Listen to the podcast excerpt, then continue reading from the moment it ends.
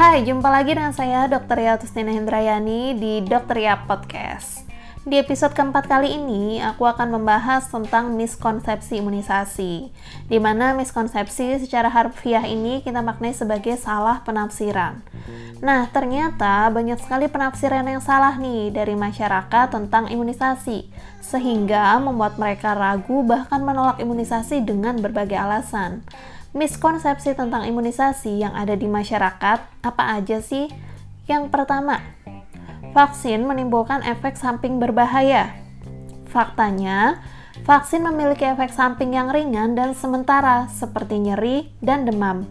Produk vaksin sangat aman. Kematian yang disebabkan oleh vaksin amat rendah, sementara manfaat yang diperoleh dari imunisasi jauh lebih banyak. Yang kedua, Pemberian vaksin kombinasi untuk berbagai penyakit pada waktu bersamaan meningkatkan resiko efek samping yang berbahaya dan membebani sistem imun.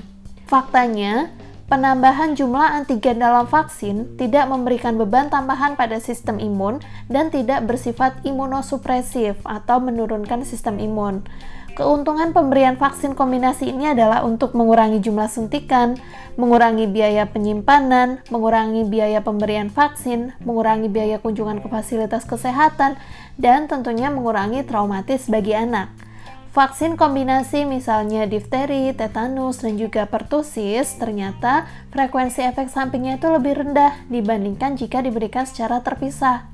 Sebuah penelitian membandingkan respon antibodi dan efek samping vaksin pada kelompok anak yang mendapatkan vaksin difteri, tetanus, pertusis, kemudian vaksin HBV, IPV, dan HIB dalam satu suntikan dengan kelompok anak yang mendapatkan suntikan HIB dalam suntikan yang berbeda, ternyata tidak ditemukan perbedaan yang bermakna.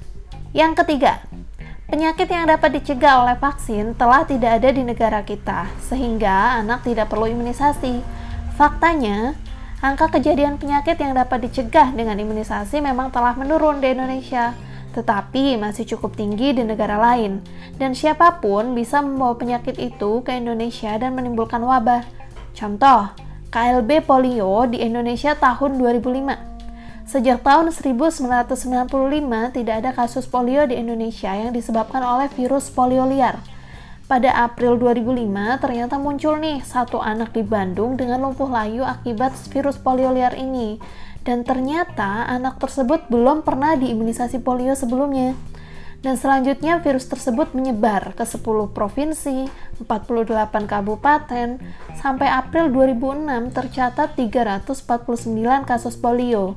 Analisis lebih lanjut nih ternyata menunjukkan bahwa virus ini berasal dari Afrika Barat dan sampai ke Indonesia melalui Nigeria, Sudan, Arab Saudi, dan juga Yaman.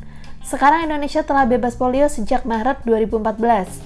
Berkaca dari pengalaman 2005, maka anak harus tetap diimunisasi untuk memproteksi anak dan memproteksi anak lain di sekitarnya. Yang keempat, penyakit telah hilang sebelum vaksin diperkenalkan akibat perbaikan sanitasi dan juga hygiene. Sanitasi dan hygiene yang baik memang menurunkan angka kejadian penyakit. Namun, penurunan kejadian penyakit yang permanen baru muncul setelah program imunisasi ini dijalankan secara luas. Dampak vaksin dalam menurunkan insiden penyakit dapat dicontohkan pada penyakit pertusis di negara maju, seperti di Inggris, Swedia, dan juga Jepang, yang menunjukkan bahwa penghentian program imunisasi pertusis ternyata menyebabkan peningkatan insiden pertusis. Contohnya di Inggris, penurunan cakupan imunisasi pertusis pada tahun 1974 menyebabkan epidemi lebih dari 100.000 kasus dan 36 kematian di tahun 1978. Di Jepang, penurunan cakupan imunisasi pertusis dari 70% menjadi 20 sampai dengan 40% ternyata meningkatkan kasus pertusis dari 393 tanpa kematian menjadi 13.000 dengan 41 kematian di tahun 1979. Hal yang sama terjadi di Swedia. Peningkatan kasus dari 700 pada tahun 1981 menjadi 3.200 di tahun 1985. Hal tersebut menunjukkan bahwa dampak imunisasi lebih besar dibandingkan dengan sanitasi. Yang kelima, bila anak tidak demam setelah divaksinasi, berarti vaksin tidak bekerja.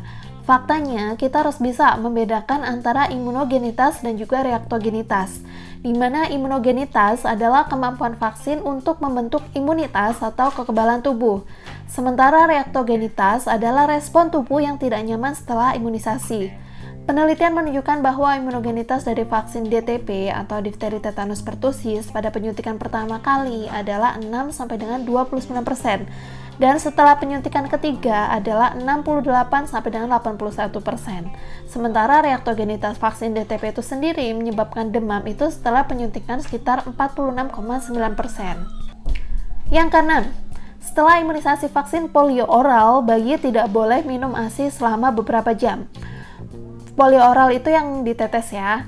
Nah, sebuah penelitian menunjukkan bahwa ASI atau susu formula ternyata tidak memperlihatkan hambatan pada pembentukan antibodi terhadap OPV atau vaksin polio oral pada bayi setelah periode neonatus. Jadi nggak masalah ya, nggak ngaruh ya. Nah, itu tadi adalah beberapa miskonsepsi yang ada di dalam masyarakat. Nah, keraguan tentang manfaat dan keamanan imunisasi ini perlu ditanggapi secara aktif. Apabila orang tua ini mendapatkan jawaban yang akurat dan juga informasi yang benar, maka orang tua dapat membuat keputusan yang benar tentang imunisasi. Jadi harapannya dengan kalian mendengarkan podcast ini, maka tidak akan terjadi lagi miskonsepsi atau salah penafsiran tentang imunisasi. Sebenarnya tentang salah penafsiran ini masih banyak sekali sih yang salah-salah penafsiran. Nanti di lain episode akan aku bahas lebih lanjut lagi. Oke, cukup sekian podcast aku kali ini. See you next time on my next podcast. Bye-bye.